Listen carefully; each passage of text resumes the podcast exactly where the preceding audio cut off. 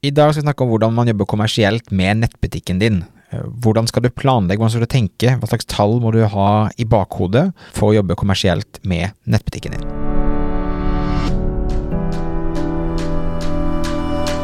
Velkommen til Netthandelspodden. I denne podkasten guider vi deg gjennom hvordan du kan drifte og skape vekst i din nettbutikk. Vi har lang erfaring innen netthandel og ønsker å dele alt vi har lært og nettverket vi har bygget opp, til å gi deg enkle, konkrete råd som du kan ta i bruk i hverdagen din. Hver episode har et ressursark knyttet til seg som du kan laste ned på netthandelspodden.no.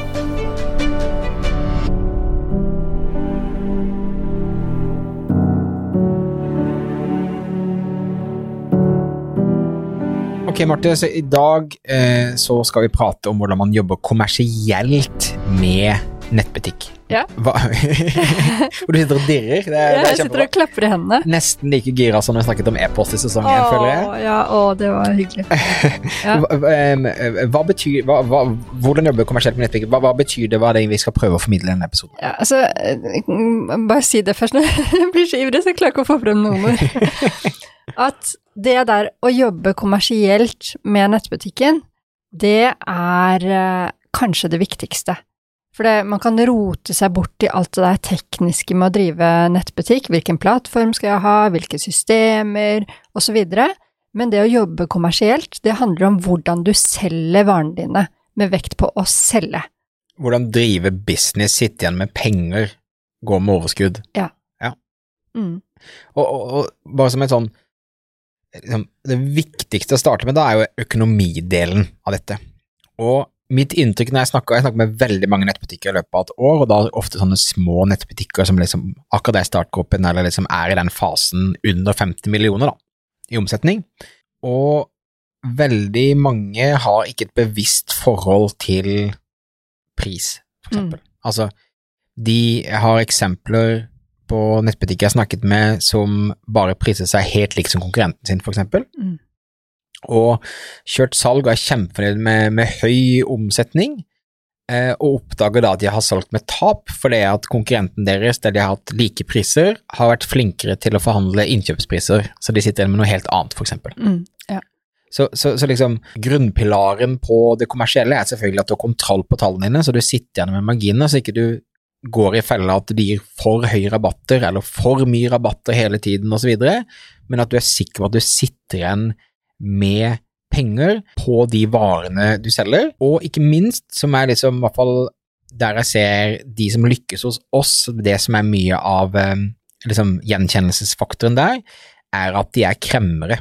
Mm. Altså, de, de, de utfordrer hver eneste krone, om den brukes på riktig måte, på alt. Og, og, og det tror jeg er viktig for å få noe til å gå kommersielt, er å ha et enormt bevissthet på, på hvordan du priser produktene ut i butikken, og enorm fokus på, på utgiftene dine og hvordan du bruker pengene dine for å få igjen mest mulig penger. Mm, ja.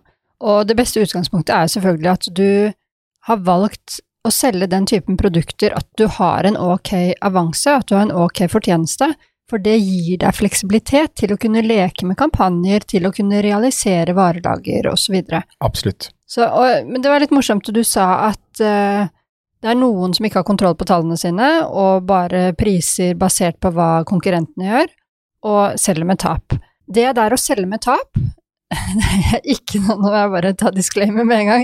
Det er ikke noe jeg anbefaler noen å gjøre, men det er eksempel på noe man kan velge å gjøre som et kommersielt grep. At du har for eksempel et produkt som du vet er veldig attraktivt, som du priser til en så god pris at folk må kjøpe det. Det er veldig fristende, men du er så flink i presentasjon av produktet og mersalgsproduktene, sånn at du kan tape på det hovedproduktet, og så selger du flere produkter rundt, og du har kanskje en fraktfri grense som gjør at du får eh, folk til å legge på mer på ordren, og sånn sett så ender du med en større ordre med mange flere produkter enn bare det ene du tar på, og så blir summen positiv. Så det er egentlig et eksempel rett inn i det som er tema for dagens episode, hvordan jobbe kommersielt. Ja. Og det tror jeg er kjempeviktig å også se selvfølgelig ordre, ordren i sin helhet mer enn enkeltproduktene, Mm. og det handler om å ha en så høyest mulig margin på ordrene dine generelt. Mm. og en annen ting, altså du har helt riktig det du nevner, at det kan være strategi å, å nesten selge med tap eller selge med, liksom med null, og da handler det også om å ha kontroll på livstidsverdien på kunden din. Sånn som Ezra Firestone, som er liksom en av de kanskje største som, som uh, markedsfører der ute av nettbutikker i USA. Han stort sett selger liksom med null eller tap på, eh, på frontenden sin, altså det vil si liksom det førstegangskjøpet hos en kunde. Typisk det han annonserer med å dra folk inn i butikken. Ja, og så er han så ekstremt flink på e-post at han vet at han får to-tre salg i løpet av første året i tillegg, som mm. da på en måte er gratis for han, så, mm. så det vinner. Mm. Eh, så, så det på helt nye nettbutikker å ha en bevisst strategi at strategien vår er ikke å sitte inn med masse penger i år, men få inn så mange kunder som mulig som får en god opplevelse som oss, som vi kan selge til igjen og igjen og igjen i årene som kommer. Mm. Det kan være en strategi man velger. Mm. Og da bare så må du ha kontroll på tallene dine, ikke gamble på det. Eller det vil jeg i hvert fall anbefale sterkt. At du, yes. at du er trygg på at uh, kundene kommer igjen og handler mer. Og de aller fleste nettbutikkene jeg kjenner som har måttet gått dunken, er fordi at de har gått på en smell med likviditet, og de har plutselig ikke nok penger til å betale de nye varene som kommer inn, eller de fikk ikke solgt ut de varene de trodde, osv. Så, så, så, så må de legge ned og taper på noe som de bør kunne unngått å ha hatt en god kontroll på. Mm. Men kan vi ikke, bare for å definere det med hvordan, hva det er å jobbe kommersielt, kan vi gi eksempel på eh, både hva det er å jobbe kommersielt, og kanskje også de som ikke er noe flinke til å jobbe kommersielt, som åpenbart ikke er kremmere. Hvordan ser vi forskjellen på, på, dem? Vil du ta en av dem, Thomas? Ja, absolutt. Så, eh, det å være kommersiell er jo å hele tiden være attraktiv til dine potensielle kunder. Altså, det handler om å ha et fristende budskap, eh, fristende produkter, eh, fristende utforming på budskapet ditt, som gjør at folk tiltrekkes til deg. Mm. Altså, eh, eh, produktene dine må være salgbare, mm. og du må tilrettelegge for at de er mest mulig mm. fristende i forhold til kommunikasjon. Mm. Ja. Eh, og, og det, det betyr ikke nødvendigvis at du skal liksom alltid ha masse rabatter, og liksom det er race to the bottom i forhold til hvem som kan gi best rabatter. men det hjelper av og til å bruke rabatter som en sånn, sånn Absolutt, taktisk ting. det er et veldig sterkt virkemiddel. Det er ikke noe, det er ikke noe hemmelighet. Men, men, men, jeg ser at det er mange nettbutikker som nesten misbruker rabattene sine, så de på en mm. måte kjøper seg kanskje feil kunder, eller de, de, mm. de, de skaffer seg masse kunder som er der inn på et helt feil premiss. Mm. Så, så, jeg tror det handler mer om å bare ha en ekstremt forståelse og eierskap til hvem er disse kundene dine, hvordan kan du vinkle deg så du er mest mulig fristende mm. til at de skal handle hos deg mm. hele tiden. Ja, ja, det er det som er nøkkelen. Det er å virkelig presentere produktene dine på en optimalt uh, fristende måte. Mm. Hvis du klarer det, så, så, jobber du bra kommersielt. Og motsatsen er jo de som tenker at produktene Jeg har så bra produkter, så de forventer på en måte, eller det virker sånn, da, forventer at de skal selge seg selv. Ja. Men det er ikke sånn det funker. Du kjenner til hvor gode produkter du har, og det fins enormt å velge for kunden der ute, så det gjelder å virkelig løfte frem de produktene. Og en ting som, som er viktig da, det er ikke nødvendigvis det der å ramse opp alle, all spekken med produktet, liksom alt det tekniske eller sånt noe, men ta og identifiser hva er det mine kunder er opptatt av, og klar å løfte frem det når du presenterer, presenterer produktet. Absolutt. Og når man kommer inn på nettsiden, så de som, de som er flinke til å selge, da kommer man inn til en nettside som er levende. Det skjer noe der. Mm. Og hvis jeg kommer inn nå kontra i forrige uke, så ser nettsiden forskjellig ut. Nye og, bilder, nye produkter, nye budskap, nye mm. guider mm. osv. osv. Ja. Og det mm. kan til og med, og det trenger ikke alltid, for det er noen nettbutikker som har få produkter, og da kan du nødvendigvis ikke ha nye produkter på forsiden hver uke, men det handler om å tilpasse budskapet til hva som skjer akkurat nå.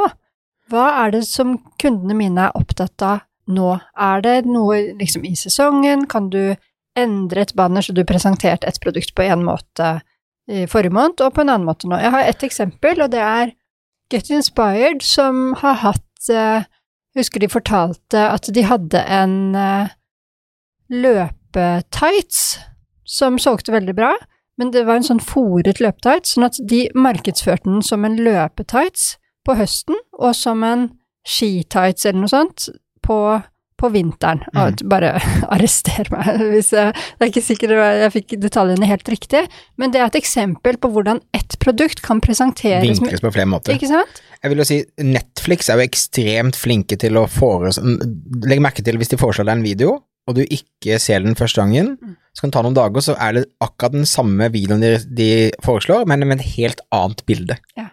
Netflix har som oftest en variasjon av 30-40 forskjellige typer bilder som de tester ut for å få deg til å se en video. På samme måte på forsiden. Husk å bytte ut i forhold til sesong, husk å teste og eksperimentere, sånn at som du sier, levende føler det skjer noe. Mm. Det er viktig. Og det samme er jo, akkurat det samme gjør vi jo i e-post, eller en del gjør det i hvert fall, at du sender ut en e-post med et emnefelt, og så hvis den ikke ble åpnet eh, i løpet av tre dager eksempel, så går akkurat den samme e-posten ut, men med et annet emnefelt. Mm, absolutt. Så, så liksom, det å jobbe kommersielt handler om å eh, ha fristende budskap til riktig tid, eh, og ha en, en, en levende kommunikasjon som på en måte forandrer seg hele tiden, så man føler at det skjer noe. Mm. Eh, og ikke bare på forsiden din, men på, på produktsidene dine, på sosiale medier osv., osv., osv. Mm. Og med det som er, som er liksom, en- med det bunnen, økonomien og hvordan man jobber kommersielt, så handler det litt om okay, hvordan, eh, hvordan skal jeg da tenke, eller hvordan skal jeg jobbe kommersielt med ting? Og da er vi inne på det som eh, er, eh, er veldig viktig, og det er jo planlegge. Ikke lev dag til dag, uke til uke. Eh, Du skal ikke tenke på å ja, shit, jeg skulle kanskje hatt et eller annet å selge eh, til, til neste uke. Eh, da er det på en måte for seint å få inn produkter og eller noen ting. Så, så en, du må liksom planlegge året så mye du kan innkjøpsmessig. Mm. Altså produkter trenger jeg til å komme inn til forskjellige måte, deler av året, og henge det på markedsføringen. Mm. I hvert fall når du har vært en nettbutikk som har levd et år eller to eller tre, så bør du jo sette deg ned og bare greit, dette var planen min i fjor, hva gikk bra, hva gikk dårlig, og så jobber du med å, å, å, å tilpasse den til, til neste år igjen, sånn at du på en måte um, Istedenfor å begynne på nytt hvert eneste år i planleggingen din, bruk det du har, allerede har fra før av, se på data, tall, hva, har lært, hva du har lært, eh, og bruk det som et utgangspunkt. Mm. Og det der å lage en sånn, egentlig en markedsplan eh, for året, når du har spikret produktene og gjort noen fornuftige tanker og forberedelser der, og ha den klare planen sånn at du vet frem i tid, du vet de største begivenhetene i løpet av året, men også da si for eksempel eh, to måneder frem i tid, så vet du helt nøyaktig hva er det som skal på nå fra uke til uke. Mm. Fordi at det handler jo om det å faktisk få gjennomført det. Og jo bedre du er til å planlegge, og deretter da i neste steg å lage gode rutiner for å produsere det som trengs av baner nettsiden, av materiale til sosiale medier og e-post osv., desto, desto lettere Eller desto bedre utgangspunkt har du for faktisk å selge og ha en attraktiv eh, nettside. Absolutt. Og jeg pleier å si at uh, ha en altså ha, ha store, det jeg kaller på en måte sånn fireworks-kampanjeaktiviteter. Prøv å ha eh, ca. hver sjette uke, eller sånn syv-åtte ganger i året, så har du noen store kampanjer, noen store liksom blokker du kan putte inn markedsføring i. Det betyr ikke at du ikke kan ha kommersielle budskap og ha kampanjer gående uke til uke osv., men det er lettere å planlegge når du liksom har sånn syv-åtte bokser du skal fylle med noe. Mm. Back to school, Black Friday, eh, julekampanjer, påskekampanjer osv. osv. osv. Og prøve å planlegge rundt noe sånn eh, er en god måte å starte å ha en struktur på. Mm, ja, det er et veldig godt eh, startpunkt. Og når det er sagt, så, så det beste er jo om, om det faktisk også da er utskiftninger på nettsiden din, helst ukentlig, Mm. eh, som kan gjerne da være relatert til disse større kampanjene, men, eh, men sånn at det faktisk at siden lever. Ja. Andre ting liksom vi ser i forhold til hvor, de som lykkes, hvordan gjør de det, eller hva, hva er det som liksom skiller de fra andre, så er det jo det å være på. Mm. Altså følge med. Se hva konkurrentene dine gjør, se hva de du kjøper inn varene gjør, se hva kundene dine gjør. Følg mange av kundene i sosiale medier, se hva som opptar de, og hvordan deres mønster liksom forandrer seg. Eh, Så du fanger opp, opp trender og, og kan liksom være Kan hive deg rundt. Mm. Og når du sier være på, det, det jeg særlig tenker på er viktig for, for å være på, det er Si at du har lagt ut eh, en ny forside. Du har nye bannere der. Nye produkter du fronter. Da bør du gå inn eh, senest dagen etter, og så se ok, hvor mange klikk fikk dette banneret, eller disse bannerne. Hvor mye besøk ble det på produktsiden? Hvor mange salg ble det? Og så må du være smart, bare bruke, bruke sunn fornuft. Hvis det er et uh, dyrt produkt, der folk kanskje trenger å tenke litt før de tar en kjøpsbeslutning, så trenger det ikke være krise at det ikke ble salg med en gang. Men hvis det er et uh, billig produkt, så bør du se at salget begynner å, begynner å tikke med en gang. Uh, hvis du ser at det er lite klikk på produktet, enten det er dyrt eller billig, eller på, på banneret, så kanskje da teste å endre banneret etter et døgn eller to. Dette avhenger selvfølgelig litt av trafikken din. Hvis du har mye trafikk, så kan du raskere gjøre endringer, for da har du raskere tallgrunnlag til å vurdere om det har gått bra eller dårlig. Mm. En annen type eksempel å være på handler jo om å Vi har kunder som ofte poster veldig mange ganger i løpet av en dag på en story, da, eksempel. Mm. Og hvis de ser at eh, La oss si det er en klesbutikkunde, så hvis de ser den storyen, så er det visse typer produkter som alltid får mest swipe-ups, mest engasjement osv., så, videre, så er jo det tydelige signaler som du kan plukke opp til å ha fokus på i e-post, ukens e-post, Mm. eller deskom forsiden din på, osv. Så, videre. Mm. så liksom vær på utkikk etter signaler hele veien. Mm. Um, på, på, på hva kundene dine er interessert i, og liksom hva som de tenker på nå, og så skal du klare å liksom vinkle det hele tiden mot, mot noe du kan eh, putte kommersielt inn i sosiale medier, på annonser, på e-post, på Mm, forsiden mm. osv. Og jeg vil egentlig anbefale at du setter alt dette her også ordentlig i system, sånn at du faktisk tar og noterer deg. Du kan se om du skal notere klikk på banneret, kanskje, men i hvert fall notere salget på de forskjellige produktene. Og notere deg når er det jeg har skiftet eh, banner, sånn at du har hele tiden den ordentlige oversikten. Ja, jo, jo mer nerde du kan være, jo bedre, for da har du bedre tallgrunnlag for å kunne gjøre, gjøre endringer og, og forstå om det gjør det bedre eller dårligere, Mm. rett og slett. Og ellers, nå, nå snakker vi om betydningen av å planlegge, og det er kjempeviktig. Det er det som vil gjøre at du klarer å ha gode kampanjer som treffer over tid, og at du har materialet klart. Men i tillegg, det igjen så handler det om å være på og se Nå skjedde det et eller annet i media. Nå var det et avisoppslag der eh, mitt produkt kan være relevant fordi at folk ble interessert i det og det. Altså noe ble løftet på dagsorden. Da tar du og hiver deg rundt, uansett hva klokken er på Ja, ja. døgnet, og så tar du og får smelt opp på forsiden på den beste plassen, så får du smelt opp et banner som handler om akkurat det. Ikke sant? Så, sånn at du hele tiden følger med. Og det samme gjelder når din konkurrent går ut og markedsfører noe. Kanskje du kan surfe på den bølgen. De har kjørt TV TV-kampanje på et produkt. Du har ikke råd til å kjøre TV-reklame, eller TV-reklame funker jo kanskje ikke da, men liksom si de kjører en svær, en svær kampanje, da. Og hvis du da er smart, du setter opp Google-annonser som svarer på det som folk typisk vil søke etter, eh, relatert til eh, sånn, Basert på den Mm. TV-reklamen, da. Mm. Ikke sant? Så kan du få den trafikken. Så hele tiden tenke sånn, ok, hva er det som skjer, hva er det jeg kan gjøre for å tiltrekke meg kunder, og for å få de kundene til å faktisk kjøpe basert på den situasjonen vi har akkurat nå.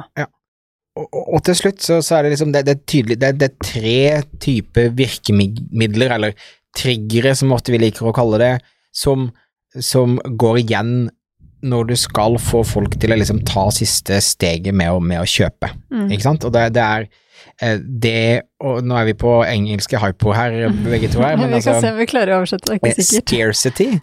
Altså det når det, er, når det er begrenset antall av noe, eller en begrenset tid, men du gjør det vanskeligere å benytte det av, eller du gjør det begrenset i forhold til at du må handle nå er for å få en eller annen fordel, Mm. det ser vi fungerer veldig bra. Ja, det gjør det. Og jeg tror vi alle sammen har opplevd det. Et klassisk eksempel er jo hvis du går på hotels.com, for eksempel. Der har, de, der har de flere av disse triggerne, bruker de masse. Så de har det med at nå er det bare ett igjen av dette hotellrommet, da blir man jo kjempestressa. Uh, og de har også at uh, fem stykker er inne og ser på det samme rommet akkurat nå. Så det er både sånn social proof, at man skjønner at oi, dette er populært, og det er det der scarcity, at her er det lite igjen av ressursene. Mm. Her er det rift. 100% Så, så, så den scarcity-delen, kjempesmart å bruke. Um, det som kalles social proof, altså det å vise at andre er interessert i deg og handler av deg, har hatt en god opplevelse, det kan være å trekke fram gode kundeomtaler, eller hvor mange fornøyde kunder man har, osv., osv., men det å vise at det er sosialt akseptert å handle av deg og handle det produktet, og at det da blir du en del av den kule gjengen, Mm. det, det kan vi også eh, ta, ta Unnskyld, Thomas, jeg snakker i munnen på. Det går fint. Det kan vi også ta eh, noen konkrete eksempler på. Eh, Du nevnte jo kundeomtaler, og det kan du gjerne løfte frem også i et banner, eksempel. Hvis du har et bestemt produkt, så kan du ta et eh, sitat fra en kunde og bruke det til å selge produktet, for ofte så har vi mye mer tiltro til det andre kunder sier og mener, enn det selgeren sier og mener. Mm. Så, så bare vær kreativ på hvor du kan formidle at andre også er fornøyd. Eh, og det samme gjelder jo på, på produktsidene. De som er flinke, de har jo produkt, eller mange som er flinke, har produktanmeldelser og stjerne, stjernerating. Mm. Og det, det er kjempeeffektivt. Og, og siste, siste virkemidlet som vi anbefaler deg å benytte deg når du skal ha fokus på det kommersielle og få folk til å handle, er det å ø, vise at du er Altså være autoritær. Vise at du er en seriøs spiller, at du er en anerkjent spiller, at du på en måte har den kredibiliteten til å levere ting. Du er til å stole på, det, det bygger på tillit.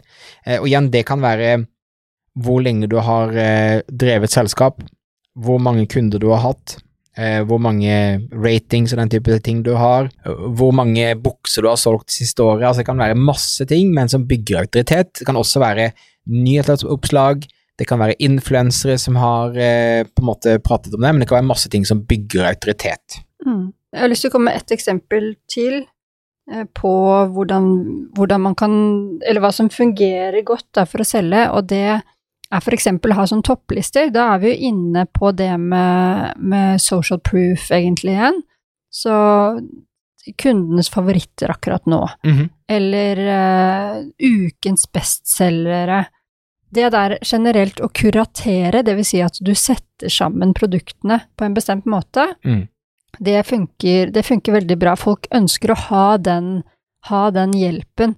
Og du kan jo gå i fysiske butikker, gå på for eksempel i bokhandelen, om det er Ark eller Nordli eller hvor du går, så vil du se at de har den typen topplister. Det er ikke tilfeldig at de velger å ta så mye hylleplass og bare tapetsere med ti titler, der hvor de kunne hatt plass til 200. Mm. Det er fordi at det selger når man presenterer det i form av lister, i form av bestselgere osv. Så, videre. så det å bruke alle disse merkelappene Ta, uh, ta for eksempel å gå på Bli vakker og se hva de gjør. De er veldig flinke kommersielt. Mm. Linda Johansen, superflinke kommersielt. Det skjer nye ting hele tiden, og de har alle disse triggerne. Sense of urgency. Nå er det bare to dager igjen, eller seks timer igjen. Og du kan til og med, hvis du er litt sånn aggressive typen, så kan du, så kan du kjøre sånn countdown timers. Nå ble det Ja. mye dårlig norsk her. Hva heter det? Sånn Eh, nedtelling- nedtellingsklokke? Ja. Nedtellingsklokke. Det er veldig, veldig norsk, veldig fint. Ja.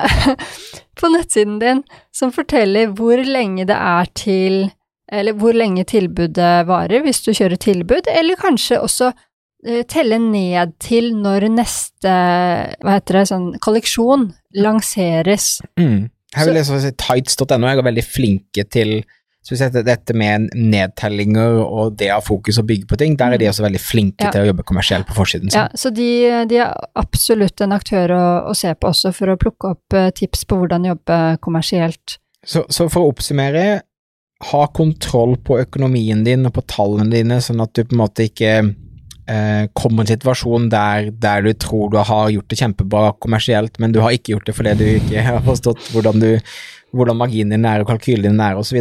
Ha en god kombinasjon av å ha eh, lagt tydelige planer som du forholder deg til, samtidig som du skal være det vi kaller på, eh, som vil si følg med, gjør små endringer fortløpende, eh, test, eksperimenter osv. Mm. Og gjør fristende budskap og fristende på en måte pakketering og kurering av utvalget jevnlig. Gjør det levende, og gjør det utover både nettsiden din, e-post og sosiale medier, og betalt annonsering. Mm. Og følg med løpende, sånn at du evaluerer, analyserer, justerer. Absolutt. Så det er måten vi tenker på det skal jobbe kommersielt med nettbutikken. Husk at du kan laste ned ressursarket, link i shownotes, eller gå på netthandelspodden.no. Så kan du laste ned oppsummeringen vår eh, og litt mer på måte dybden på de tingene vi har, eh, har snakket om. Så takk for at du lyttet, og få med deg eh, neste episode. Mm. Takk for nå. Ha det.